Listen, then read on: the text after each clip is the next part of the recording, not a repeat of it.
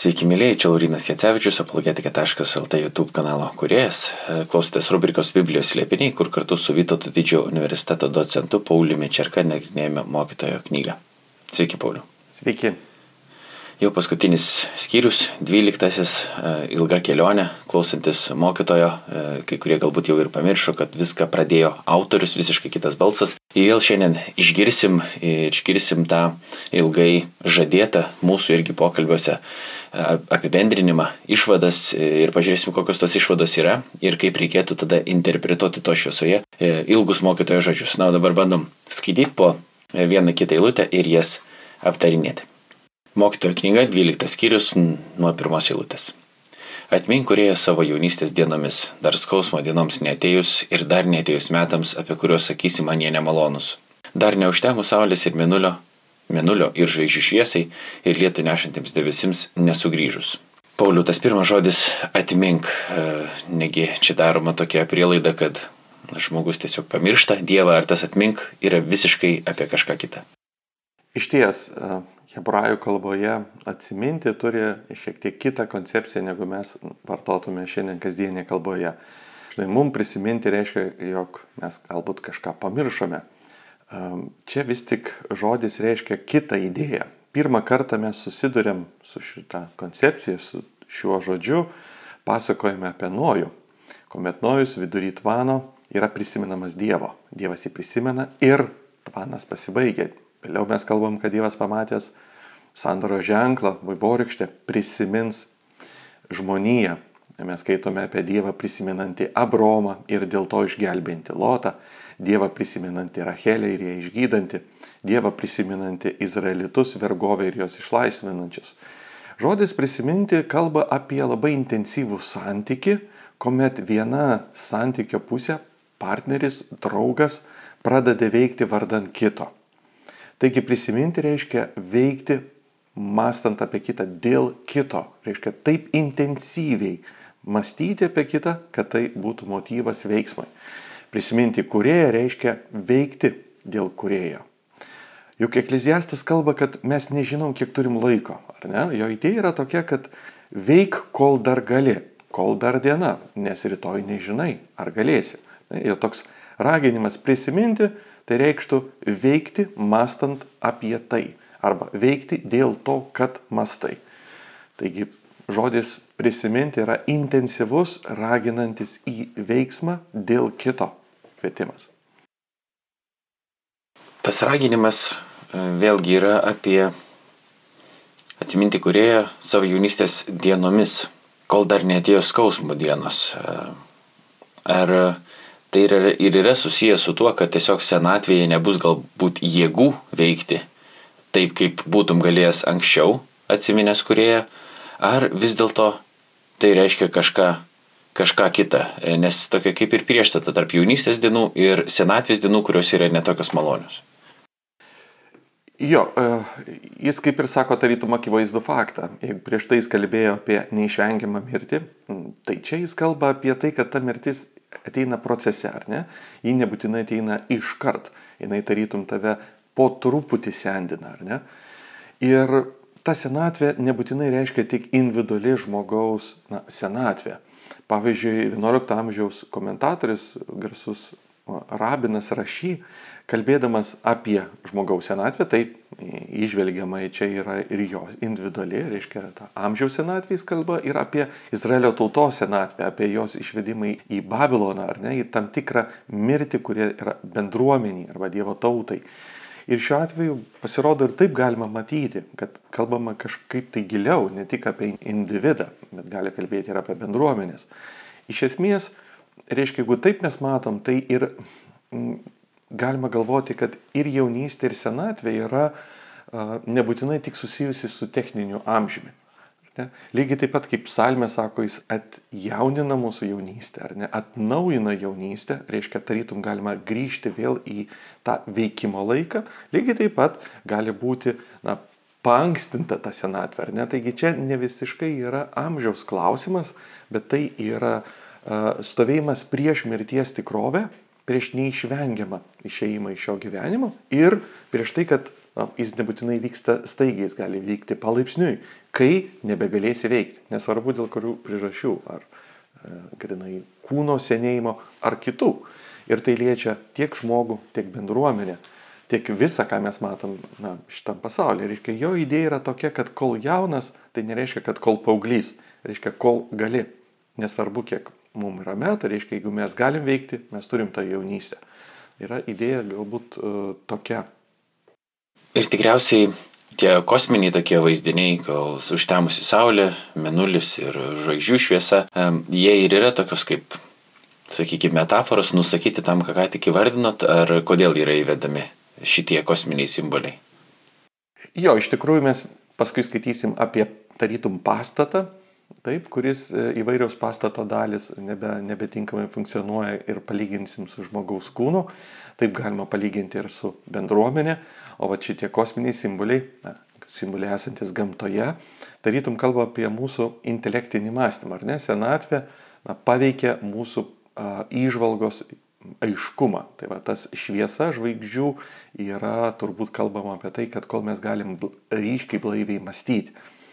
Va, aišku, Izraelio tautos atveju tai būtų jų tautos žiedas, ar ne, kol egzistuoja m, tie žmonės, kurie gali vadovauti tautai, tai yra vat, vadovai, karališka giminė. Tai e, tą simbolį galima įvairiai suprasti priklausomai, ką mes turim prie savo akis - žmogų, bendruomenę, Dievo tautą. Bet e, labai gražu, kad gamtoje esančios simbolis parodo, kad ir žmogus savo gyvenimu yra kažkuo panašus, vienai par kitaip. Skaitom toliau nuo trečios eilutės. Tai dienai atėjus namų sargai drevės ir galiūnai sukniups. Malėjos liausis malusios, nes jų mažai beliko, o žvelgiantis pro langą matys tamsą. Nors sakinys tęsiasi bent jau lietuviškai, tai mm, pažvelkime į šitą vietą, kuri tikrai nėra iki galo aišku, aiškiai ypatinga, jeigu tai būtų prieš tai kalbam vien apie žmogaus senatvę, nes e, kas tada kodėl turėtų drebėti namų sargai ir kas tie namų sargai, e, kai žmogus pasensta ir galiūnai sukniumba ir kas tos malėjos, kurios liaujasi malusios. Galbūt jeigu interpretuotum tai Izraelio išvedimą į tremti kontekste kažkiek pasidaro aiškiau, o gal čia vėlgi yra metafora e, nusakyti kažkokiem vidiniam procesam, kurie vyksta žmoguje. Tai kaip čia yra? Na, iš tikrųjų, daugelis egzegetų um, drąsiai išvelgia čia žmogaus kūno senėjimo aprašymą Ir um, iš tikrųjų perskaičius visas eilutes iki septintos mes matysim skirtingas kūno dalis. Tai šiuo atveju, jeigu mes kalbam apie tas namų sargus, tai eitų kalba apie mūsų liemenį, apie mūsų rankas, apie mūsų, sakykime, tai, ką mes saugome, tai, ko mes veikiame. Galiūnai sukniumba, tai yra kojos, jos nebegali tinkamai na, mūsų nešioti. Malėjos liaunasi na, mes malame dantimis, jų nebelieka, jų mažai beliko, taip. O žvelgiantis pro langą matys tamsą, mūsų akis, jos prastai mato. Tai perskaitykim tada iki septintos, pažiūrėsim, kas čia dar yra. Nuo ketvirtos eilutės. Kai duris į gatvę uždaromos ir girnų garsas tilstelėje, kai paukščių gesmė vis silpnėja ir visi dainingai garsai prityla, kai bijomasi aukštumų ir pavojų kelyje, kai migdolas pražįsta, žiogas vos be pasivilka, ir kapario uoga tampa bejėgė. Kadangi žmogus eina į savo amžinus namus, rodotai būriuojasi gatvėje laukdami, kol bus nutrauktas sidabro siūlas ir sudaužytas aukso dubuo, asuotis sudaužytas prie šaltinio ir vandens ratas sulaužytas prie tarpyklos. Dulkės sugrįš į žemę, kur kadais jos buvo, gyvybės alsavimas pas Dievą, kuris jį davė. Tad e, gal dar tada, Pauliu, pabandykime žvelgti e, atskiras ir kūno dalis ir galbūt dar kažką, kas čia buvo pasakyta. Taip, duris į gatvę uždaromos, tai yra m, turbūt kalbama apie mūsų kalbą, gebėjimą kalbėti, išreikšti savo idėjas. Girnų garsas e, tilstelėje, kaip paukščio gesmė vis silpnėja ir visi dainingi garsai prityla. Čia e, gal ir sudėtingesnis e, momentas yra, bet kalbama apie turbūt klausą, apie jos jautrumą, apie tai, kad viena vertus gali erzinti labai maži garsai, ar ne? Kita vertus, net pažįstami labai gražus garsai, ne? Toks klausa nebeveikia, kaip jinai turėtų veikti, jinai nemoka atskirti, e, ką reiktų nuslopinti ir ką reiktų, ką reiktų pastiprinti, viskas veikia jau atvirkščiai. Taigi gaunasi, kad nedidelis garsas erzina, o gražus nebegirdimas. Kaip bijomasi aukštumų ir pavojų kelyje, toks nerimo apibūdinimas, neiškumo, neapibrieštumo, nesusigaudimo būsena. Migdolas pražįsta, tai kalbama turbūt apie plaukų žilumą. Taip. Labai gražus vaizdinys apie tai, kad migdolas pražįsta irgi tokiais labai šviesiais baltais, baltomis spalvomis, tai panašus labai į žilų, žilą galvą. Žiogas vos e, be pasivilka ir apie judėjimą, tarytum toks labai sunkus savęs nešimas, toks yra vaizdinys, tarytum žiogai neša save. Kapario uoga tampa bejėgė, ta vieta yra diskutuotina, na, vieniems atrodo, kad jis kalba apie seksualinį pajėgumą, seksualinį gyvenimą, kad žmogus nebepajėgus jo gyventi. Kitur kalbama iš principo apie troškimą, tai yra apie skonį, kažkokių tai dalykų norėjimą, jautimą ir toks viskas tampa na, gyvenime tokio beskonio, ar ne, tarytum nėra dalykų, ko žmogus trokštų. Tai kaip ir būtų e, to kūno tokios alegоrijos apibūdinamos ir tada jis kalba, kad žmogus eina į amžinus namus, raudotai briuojasi gatvėje laukdami. Iš tikrųjų, tais laikais raudotai buvo ne tik artimi žmonės, bet ir profesionalus, galima sakyti, muzikantai, gėdotojai, kurie nuolat stebėdavo ar ne, ieškodavo jau be nusimatančių laidotuvių, kad būtų pirmieji pakviesti, tarytum tokie grifai, kurie jau nužiūri, kur gali būti uh, dvieselėna, ar ne, toks e, vaizdinys. Ir idėja yra tokia, kad e, nesvarbu, kad žmogus yra gyvas, jau gėdotai vis tiek nujaučia, ne, kad vieną dieną jis bus negyvas ir bus laidotuvės. Tai tas buvimas gatvėje rodo, kad čia pat, čia pat, ar ne, neužilgo jau įvyks, o jau kažkas to ir laukia, ar ne, tai vaizdinys greitos mirties. Jeigu jau raudotai būriuojasi, reiškia yra nuojauta, kad um, žmogaus gyvenimas pasibaigs toks būtų vaizdas ir tie amžini namai, galbūt e, čia nėra tos amžinų dangiškų namų vaizdo, bet tai yra vieta, į kurią visi sugrįžta, ar ne? Jeigu tu iškeliauji ir grįžti, tu grįžti namo. Tai jeigu visi grįžta namo ir tie namai yra gyvenimo pabaiga, tai čia šiuo atveju ekleziastas kalba apie, apie to mūsų gyvenimo baigti, kaip namus, į kuriuos visi sugrįžta, nuo, nuo kurio tu negali išsisukti, pabėgti kuris yra galbūt grįžimas ir skausmingas, bet jis laukia visų. Tai a, tokios skausmingos realybės pakankamai vaizdingas aprašymas. Ir tada mokytas jau tarė savo įprastus žodžius, miglų migla, sako mokytas, viskas migla. Atrodo, vėl taip neįtin viltingai pabaigė, bet jeigu buvot kartu su mumis visą tą laiką, Paulius jau ne vieną kartą bandė paaiškinti, ką čia mokytojas turi omenyje, sakydama šito žodžius. Ne tai, kad viskas yra galbūt absoliučiai beprasmiška, bet kažką kitą, tai jeigu galima Paulių dar tiesiog priminti visiems. Iš tikrųjų, ar ne mes čia pastebim, kad balsas to, ko mes skaitome, keičiasi, nes iki tol mes girdėjome tiesiogiai patį mokytoją, o čia mes kalbam apie galutinį redaktorių arba galutinį autorių, kuris suformuoja pačią knygą jis jau kalba apie mokytoją, ar ne, tai natūralu, kad pats mokytas kalbėti taip negali apie save. Ir baigėsi uh, ta pačia teze, kurią ir prasidėjo - miglų migla, hebrajiškai hevel, tai yra ta žodis, kuris mus lydėjo visos knygos metu, pažodžiui reikštų migla rūka, kažką tokio neapibriešta, kuomet sunku suprasti, kaip tai veikia. Hmm. Tai tu matai, kad tai yra, bet tu negali pasakyti, um, ar tai tikra ar netikra, dės, kokiems dėsniams pasiduoda šita migla, kaip jinai yra valdoma. Ne, tai tom tikro neapibrieštumo, bergždumo, reiškia, kad yra aplinka, kurioje neaišku, kokie dėsniai veikia. Ne, tas neiškumas, neapibrieštumas. Svarbu, kad ne pats redaktorius sako, kad viskas yra miglų migla. Jis sako, žiūrėk, taip sako mokytas.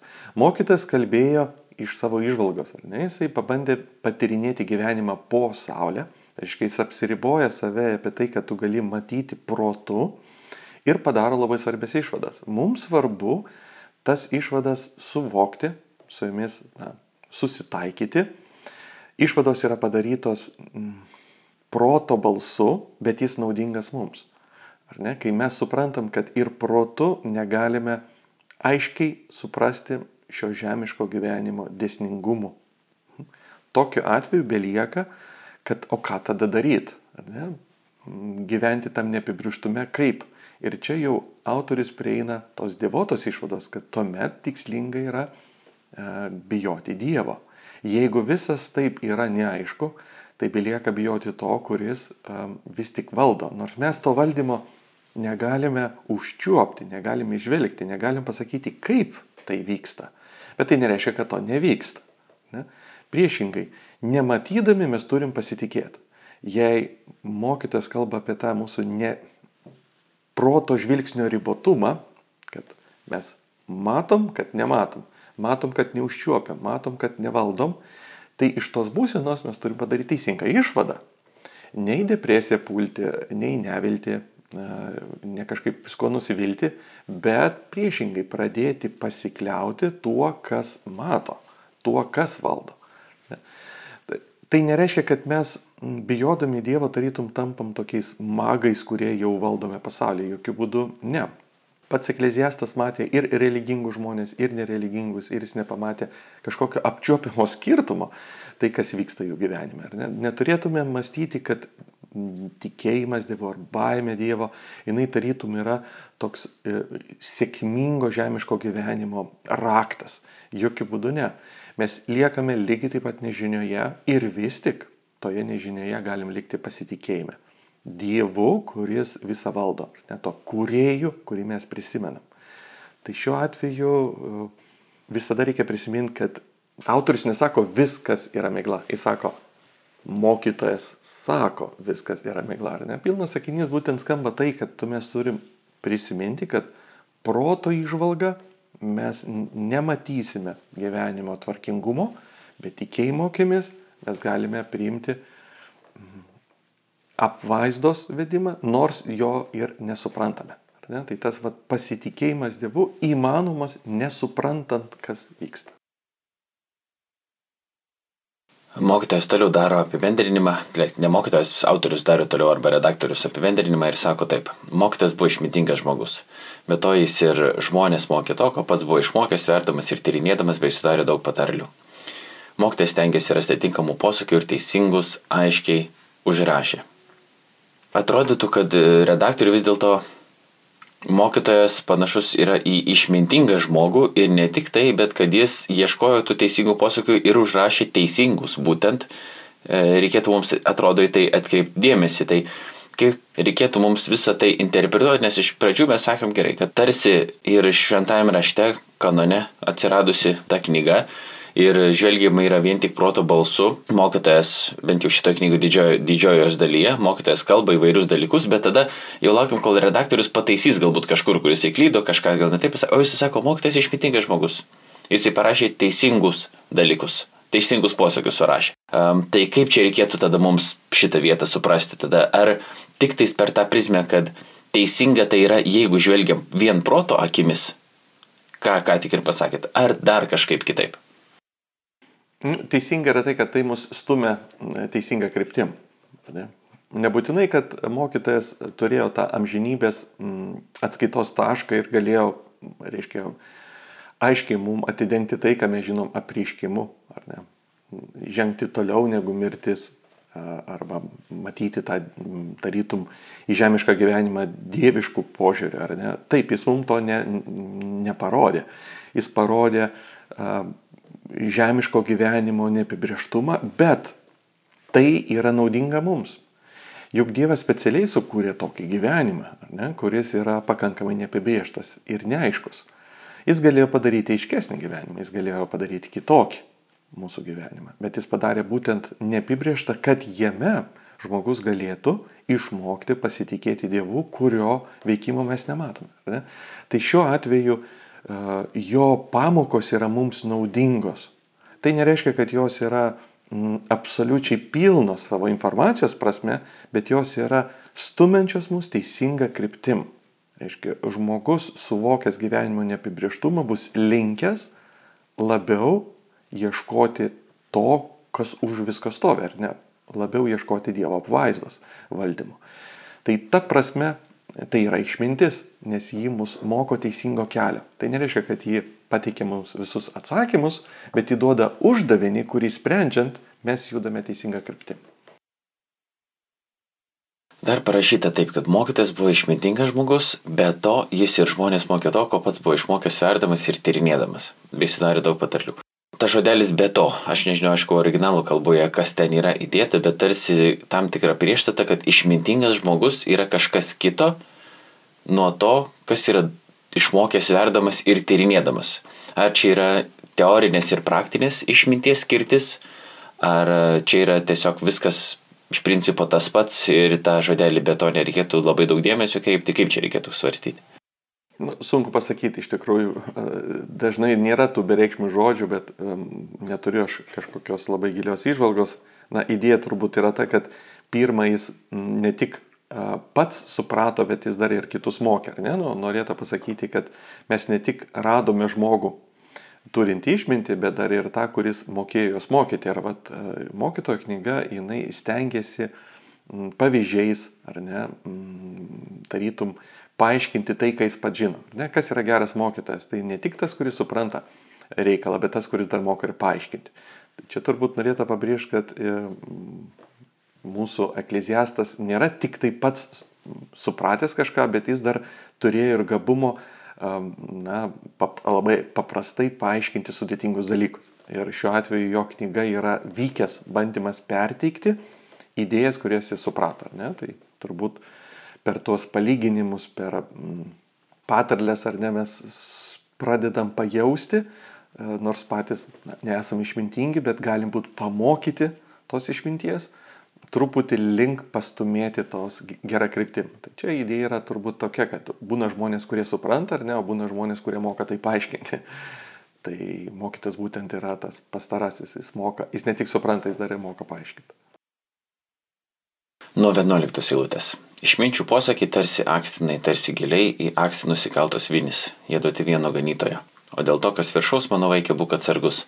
Knygų dauginimui niekada nebus galo, o daug mokantis nuvargsta kūnas. Šiek tiek juokinga, man ta pabaiga, e, ne visiška pabaiga, bet 12 eilutė, kad daug mokantis nuvargsta kūnas, studentams jau turėtų šitą vietą patikti. Vis dėlto, sakys, Biblijoje parašyta, daug mokytis nereikia, kūnas pavargsta, knygų vis tiek bus, bet kiek, visi rašo tas knygas. bet, tikriausiai čia ne visai apie tai kalbama. Ir e, aišku, įdomu, kad pradžioje sakoma yra, kad e, tie išminčių posakiai yra duoti vieno ganytojo. E, ar teisingai čia reikėtų suprasti, kad tas ganytojas yra Dievas, bent jau lietuvių kalboje parašyta iš didžiosios raidės tas ganytojas, vėlgi originalų kalboje nežinau, kas čia per žodis yra. Ir jie yra nesvarbu, tikintis, netikintis žmogus, bet jeigu žmogus išmintingas, tai tas šaltinis vis dėlto tos tiesos yra tas pats ir reikėtų atkreipti dėmesį. O šiaip tų įvairiausių pasakymų bus daug prisakyta, prirašyta, bet ne visi jie bus išmintingi, galbūt taip reikėtų galvoti. Bet dar kitas momentas yra tie akstinai, kurie tikrai nėra aišku iki galo, kas tokie yra šio laikiniam žmogui. Tas žodis toks nedažnai vartojamas, jeigu yra vartojamas akstinas, tai dažniau kaip motyvas kažką daryti, o, o čia kažkoks matyti yra statybinis e, terminas, tad e, galbūt ir apie tai būtų verta apšnekėti. Jo, jis nėra statybinis terminas, Laurinai, aiškiai matyti, kad nesusidūrė. Aš irgi, aišku, neaugau kaime ir, ir Lietuvoje gal e, toks įtaisas, įnagis ne visai naudojamas, tai yra dideliems gyvuliams, sakykime, pastumti jaučiu ar kažkam tai toks e, aštrus baslys, ar ne, su kuriuo jis yra pastumiamas į vietą, į kurią jis galbūt nenori eiti, ar ne. Tai mm, avis, avims nėra jis naudojamas, bet tiems dideliems e, gyvuliams e, na, būtų naudojamas būtent tos aštrus baslys. Čia galbūt e, klausytojai prisimena mm, apaštalo Pauliaus svertimo istoriją, kuomet mm, kelyje į Damaską jis išgirdo Jėzaus žodžius, kuris sako, sunku tau spiriotis prieš aksiną. Taip, tai tarytum yra toks užsispyręs jautis, bulius, ar ne, kuris, į kurį įremtas yra labai aštrus smaigalys ir jis vis tiek nepasiduoda ir, ir eina prieš tą skausmą.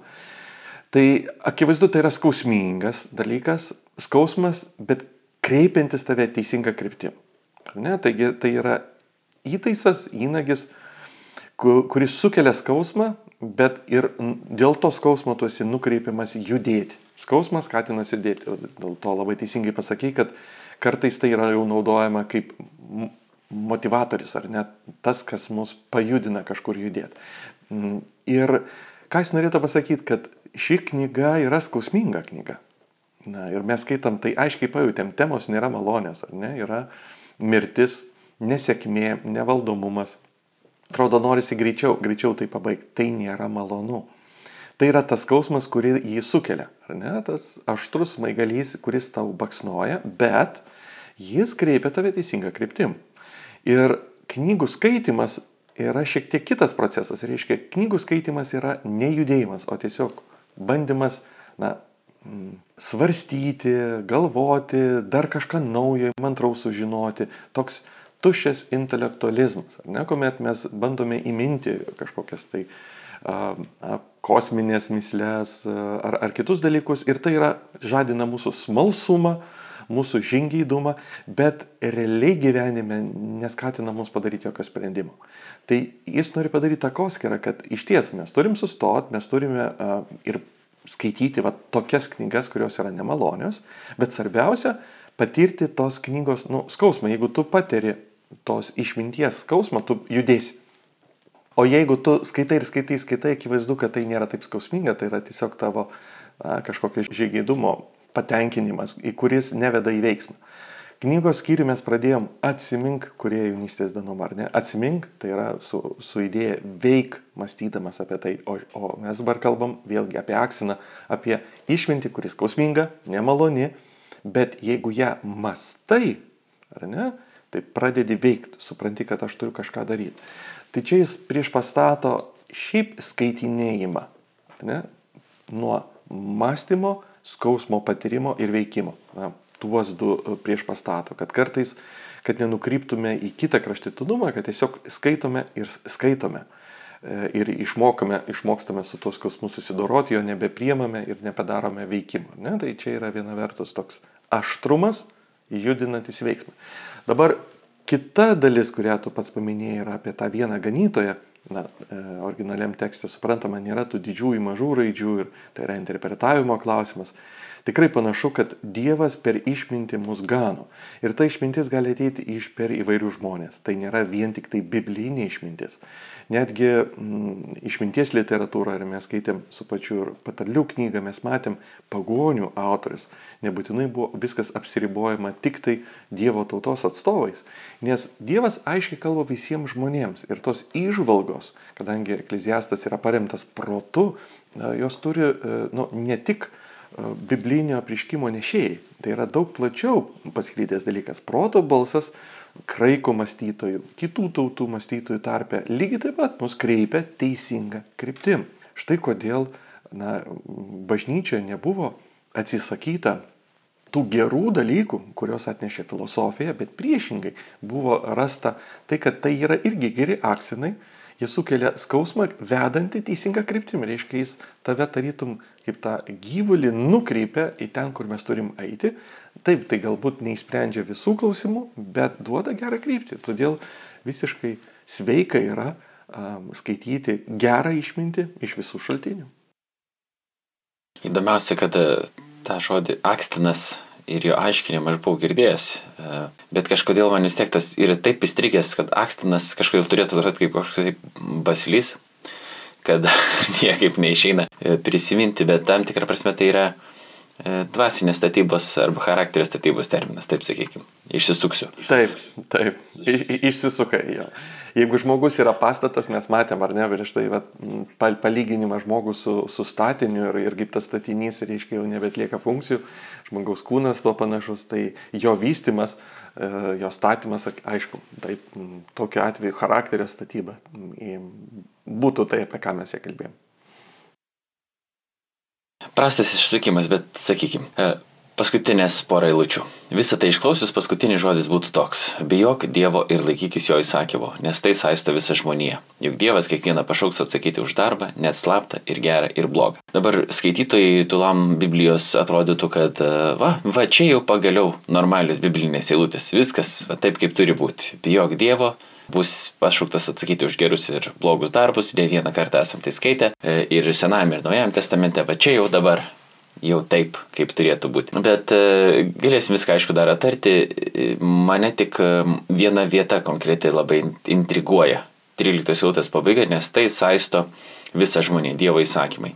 Kuria prasme saisto? Mes galėtum svarsyti, kad Dievas, kadangi sukūrė visą pasaulį, nesvarbu žmonės tiki ar netiki, vis tiek uh, Dievo įsakymai saisto visą žmoniją, e, nes jis yra visos žmonijos kuriejas. Bet kita vertus, uh, yra daug žmonių, kurie nepaiso Dievo įsakymų, netgi taip pat ir tikintieji. Ir mes kartais nepaisom Dievo įsakymų tiek dėl nežinojimo, tiek dėl valingo prieštaravimo jam kartais. Ir tuo būdu tie Dievo įsakymai mūsų tarsi ir nesaisto, kita vertus, pasiekmes bus, kaip ir sako autorius, e, e, redaktorius arba autorius, kad juk kiekvieną Dievas pašauks atsakyti už tą gerą, gerą ir blogą darbą, net ir daroma slaptoje. Taip, iš tikrųjų saisto visus ir čia galbūt uh, tenka išgirsti uh, tokių vat aiškinimų Naujojo testamento šviesoje, kad uh, Kristus išvadavo iš įstatymo na, vienai par kitaip perfrazuojant apaštalo Pauliaus mokymą, tarytum įstatymas jau nebegalioja. Ir čia yra daroma na, klaida, e, neatskiriant, kas yra Mozės įstatymas ir kas yra e, tai, prieš ką kiekvienas žmogus turi atsakyti. Moralinis įstatymas. Mozė iš tikrųjų nebuvo novatorius moralėje. Moralė yra kiekvieną žmogų įslypi jo sąžinė ir e, tai, kad mes net ir skaitome apie dešimt dievų įsakymų, tai nebuvo nauja. Ar ne? Tai buvo tiesiog aišku, aiškumo prasme, tai buvo žingsnis į priekį, bet tai nebuvo naujas dalykas, kurį atnešė Mozė. Mozės įstatymas, kurį iš tikrųjų mes kaip krikščionys jau nebenaudojame, yra susijęs su ta dalimi, kuri yra peiginė, šventyklos gyvenimas, virtuvė, visa uh, žydiška ar ne, kas galima ar negalima valgyti, kalendorius, šventės. Tai iš tikrųjų apranga, uh, Ir daugelis tokio pobūdžio dalykų, jie, jie ir buvo Mozės įvesti ir tokiu atveju atėjus Kristuje paseno, bet moralinė dalis, ne, jinai niekur nedingo. Mes aišku ją girdime Mo, Mozės įstatymė, bet tai nėra tai, ką Mozė davė. Todėl kartais reiktų atskirti, kai sakome, kad Mozės įstatymas mums yra pasenęs, tai kuria prasme. Šitos eilutės parodo, kad kiekvienas žmogus yra pašauktas na, bijoti Dievo. Moralinė prasme tas nedingsta krikščionybė, net neša mažesnių moralinių standartų. Atvirkščiai, jinai atneša didesnius. Kristus, e, e, kalbėdamas kalno pamokslį, nekelia šitos standartus. Sakydamas, jeigu jūsų teisumas neviršis mokytojų, e, rašto aiškintų ir fariziejų, jūs neįsit dangaus karalystę. Ar nėra toks laiptelis aukštyn, o ne, kaip, o ne laiptelis žemyn. Tai tuo požiūriu visi žmonės, turėdami sąžinę, turi iš Dievo mm, įpareigojimą, ar ne, gyventi moraliai. Suprantama, mes nesame tobuli. Čia nėra idėjos, kad yra nors vienas, kuris mm, moraliai yra neprikaištingas. Bet tai nekeičia principo, kad mes esame įpareigoti ir už tai turėsim duoti ataskaitą. Dabar e, su, šita, na, su šito teiginiu pamastykim knygos šviesoje. Viena vertus, e, ekleziastas aiškiai stebėjo, kad yra teisų žmonės, su kuriais atsitinka tai, kas neturėtų atsitikti. Ir atvirkščiai mes turim neteisius, jis matė žmonės, su kuriais, kuriems sekasi. Tai kaip prieiti prie išvados yra, kad reikia bijoti Dievo. Akivaizdu, kad uh, autorius jau galutinis supranta, kad nesimato tas Dievo teismas šito, šito na, žemės perspektyvoje, žemiško gyvenimo perspektyvoje, mes to išvelgti negalim. Dėl to ir turim bijoti, pasitikint, kad vis tik yra Dievas ir jis kažkaip tą teisingumą įvykdys. Čia nepasakyta kaip, bet yra toks užtikrintumas, kad jis tikrai įvyks. Aišku, kad tai negali pasibaigti vien žemiškų gyvenimų, nes ekleziastas jau trinėjo jį ir ten to galutinio teisingumo nerado. Reiškia, yra viltis, kad tas teisingumas peržengia žemiško gyvenimo ribą. Jis privalo būti, bet jo čia nėra. Reiškia, jis kažkur yra tolėliau, reiškia, peržengus ribą.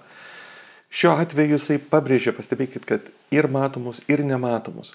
Tai, ką galima pastebėti tyrinėjant ir tai, ką galbūt ekleziastas nepastebėjo, Dievas mato. Dievas mato ne tik tai, ką mes matome kaip aplinkiniai žmonės, bet mato ir tuos nematomus, mato motivaciją, mato žmogaus ketinimus. Ir to perspektyvoje ten yra padaryta išvada, kad teisingumas vis tik bus, nes jei yra standartas, kuris saisto visus žmonės, jei yra moralinis įstatymas, tai turi būti ir moralinis teismas. Nu, negali būti įstatymo be teismo. Tai paskutinė išvada yra tokia, kad jei jau yra moralinis įstatymas, tai turi būti ir paskutinis teismas, ne, kuris tą, tą įstatymą patikrins. Toks būtų um, galutinė išvada, kad neapsiriboti šio gyvenimo, nebandyti čia pamatyti Dievo uh, taškus sudedant uh, žmonių gyvenimais, pasitikėti jo apvaizdą ir pasitikėti, kad dalykai, kurie liko neišspręsti šiam gyvenime, jie bus na, suvesti iki galo amžinybėje. Ačiū Pauliau, ačiū visiems, kurie buvote kartu su mumis. Kelionė per mokytojo knygą, kitaip žinoma, kaip ekleziasto arba koheletai, ką nors praleidote, viską galite rasti apologetika.lt YouTube kanale. Jeigu čia jau esate, tai mus čia ir matote, grojaraštis Biblijos slėpiniai. Jeigu klausotės mūsų radijos tačių eterėse, tai uh, lygiai taip pat užsukę į apologetika.lt YouTube kanalą, ten mus ne tik išgirsite, bet ir pamatysite, o taip pat garso įrašus galite rasti ir Marijos radio bei XFM radijos ties e, paskirose, kur yra talpinami garso įrašai. Duos Dievas, susimatysim, susigirdėsim dar ir kitus kartus, aptarinėdami galbūt ir kitas knygas, jeigu Dievas duos. Dar kartą ačiū e, Pauliu, ačiū visiems, iki kitų susitikimų ir su Dievu. Iki.